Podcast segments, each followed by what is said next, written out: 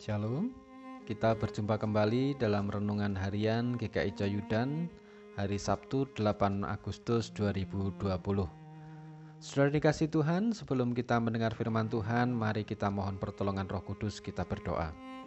Kami bersyukur kepadamu Tuhan untuk pagi hari ini. Kami bersyukur karena Tuhan telah bangunkan kami dalam keadaan segar Dan kami siap untuk merenungkan firman-Mu. Kami mohon pertolongan roh kudus untuk menolong kami agar kami boleh memahami firman-Mu dengan baik Tuhan, sehingga kami dapat melakukan aktivitas sesuai dengan kehendak-Mu. Terima kasih di dalam Yesus kami berdoa. Amin. Saudara dikasih Tuhan, pagi hari ini renungan diambil dari Roma 12 ayat 3 sampai 8. Roma 12 ayat 3 sampai 8, tetapi saya akan membacakan dari ayat 3 sampai 5 saja. Saudara dapat membaca selengkapnya sendiri nanti di rumah. Saya bacakan demikian firman Tuhan. Berdasarkan kasih karunia yang dianugerahkan kepadaku, aku berkata kepada setiap orang di antara kamu, janganlah kamu memikirkan hal-hal yang lebih tinggi daripada yang patut kamu pikirkan. Tetapi hendaklah kamu berpikir begitu rupa sehingga kamu menguasai diri menurut ukuran iman yang dikaruniakan Allah kepada kamu masing-masing. Sebab sama seperti pada satu tubuh kita mempunyai banyak anggota, tetapi tidak semua anggota itu mempunyai tugas yang sama. Demikian juga kita, walaupun banyak, adalah satu tubuh di dalam Kristus, tetapi kita masing-masing adalah anggota yang seorang terhadap yang lain. Demikianlah bacaan firman Tuhan, berbahagialah yang mendengar dan melakukan dalam kehidupan sehari-hari. Saudara renungan harian pagi hari ini saya berikan judul kerjakan apa yang kamu pikir bisa. Saudara banyak orang yang berusaha dan berjuang agar dia bisa melakukan segala pekerjaan. Dia merasa bangga kalau dia bisa melakukan banyak keahlian dan orang menyebut wah dia itu memiliki multi talenta talentanya banyak sehingga hangabei semua dikerjakan. Dan kadang karena keinginan dan kemauan belajarnya kuat nah orang tersebut pada akhirnya memang bisa menguasai beberapa keahlian sekaligus. Tetapi ketika hasrat yang begitu besar untuk bisa melakukan segalanya itu tidak menyurut justru yang didapatnya adalah kekecewaan. Mengapa? Karena pada akhirnya justru dia tidak menjadi ahli, tetapi hanya sekedar bisa. Karena apa? Karena memang kemampuan pikiran manusia itu terbatas. Jadi tidak semuanya itu bisa dilakukan satu orang. Nah, berbeda dengan orang yang fokus, orang yang sadar akan kemampuan dirinya yang terbatas, maka dia akan mengasah keahlian yang dia bisa, walau hanya satu keahlian saja, misalnya seperti seorang yang hanya bisa mengelas. Orang mungkin mengatakan, "Oh, dia itu bisanya hanya mengelas." Jadi, seolah meremehkan. Tetapi pada saat orang itu memperdalam keahliannya, baik secara pengetahuan maupun keterampilannya, dia terus mengasah bagaimana cara mengelas yang baik, teknik-tekniknya, hingga akhirnya dia mahir mengelas. Bahkan dia bisa mengelas di dalam laut dengan cukup baik. Hingga karena keahliannya tersebut, maka pada akhirnya dia akan mendapat bayaran yang sangat mahal dari perusahaan pengeboran minyak maupun perusahaan lain yang membutuhkan tukang las di laut dalam. Dalam bacaan perikop hari ini, saudara, Paulus berdasarkan kasih karunia yang dianugerahkan Allah kepadanya menasihati jemaat di Roma.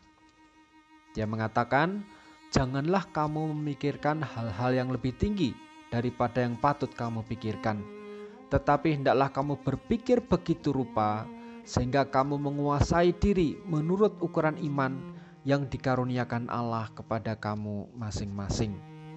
Rasul Paulus bukannya melarang seseorang untuk memikirkan hal-hal yang besar dan tinggi, tetapi jika itu jauh melampaui kemampuan dan iman orang itu, maka yang terjadi adalah frustasi.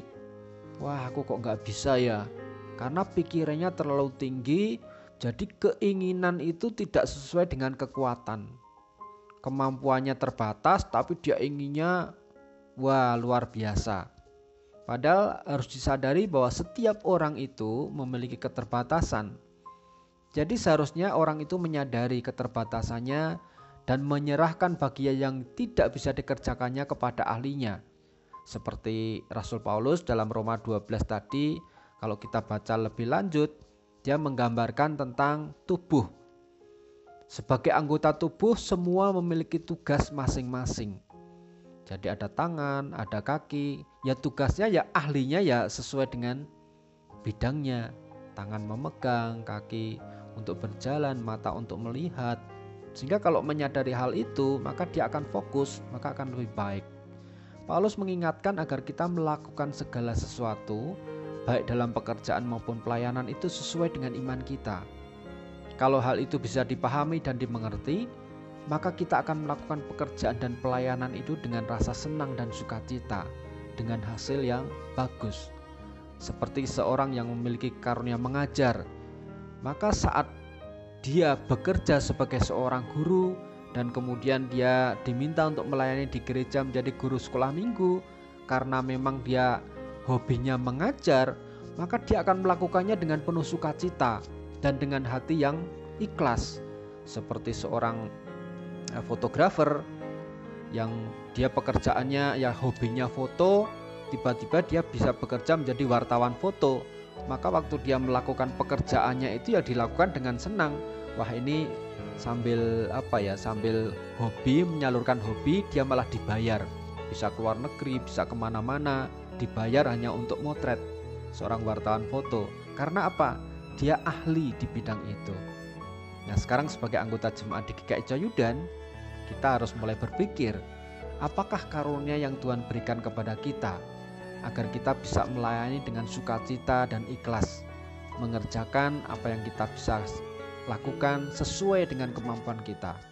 Apakah karunia untuk melayani atau mengajar atau untuk menasehati atau karunia untuk berdoa syafaat atau pemerhati sehingga senang saat mengunjungi orang sakit atau orang yang sedang berduka dan memberikan pengharapan kepada mereka atau karunia yang lainnya karunia memimpin mungkin menjadi penatua atau menjadi pengurus dari badan pelayanan jemaat kalau itu yang terjadi maka lakukanlah pekerjaan pelayanan sesuai dengan karunia yang kita miliki lakukan apa yang kita pikir kita bisa melakukan dengan baik. Maka hal itu akan menyukakan hati Tuhan karena kita akan semakin fokus, semakin ahli dalam pelayanan yang Tuhan berikan kepada kita. Selamat melayani, selamat menjadi berkat bagi sesama. Tuhan menyertai dan menolong kita semua. Amin. Mari kita berdoa. Kami mengucap syukur kepadamu Tuhan untuk pagi hari ini. Engkau telah berikan berkat dalam kehidupan kami. Kami sebagai anak-anakmu akan terus berusaha memuliakan namamu Tuhan dan menggunakan karunia yang Tuhan berikan kepada kami sebaik-baiknya. Kami akan mengasah talenta kami Tuhan, mencari pengetahuan yang sedalam-dalamnya sehingga kami bisa melayani sesuai dengan karunia yang kami miliki. Sehingga itu semua berguna bagi tubuh Kristus. Terima kasih untuk berkat firman-Mu dan berikan kemampuan kami untuk terus melakukan kehendak Tuhan dalam kehidupan sehari-hari. Juga berkati hari ini agar kami boleh melaluinya dengan baik, bekerja mengisi kehidupan ini untuk kemuliaan nama Tuhan. Terima kasih Tuhan, di dalam Tuhan Yesus kami berdoa. Amin.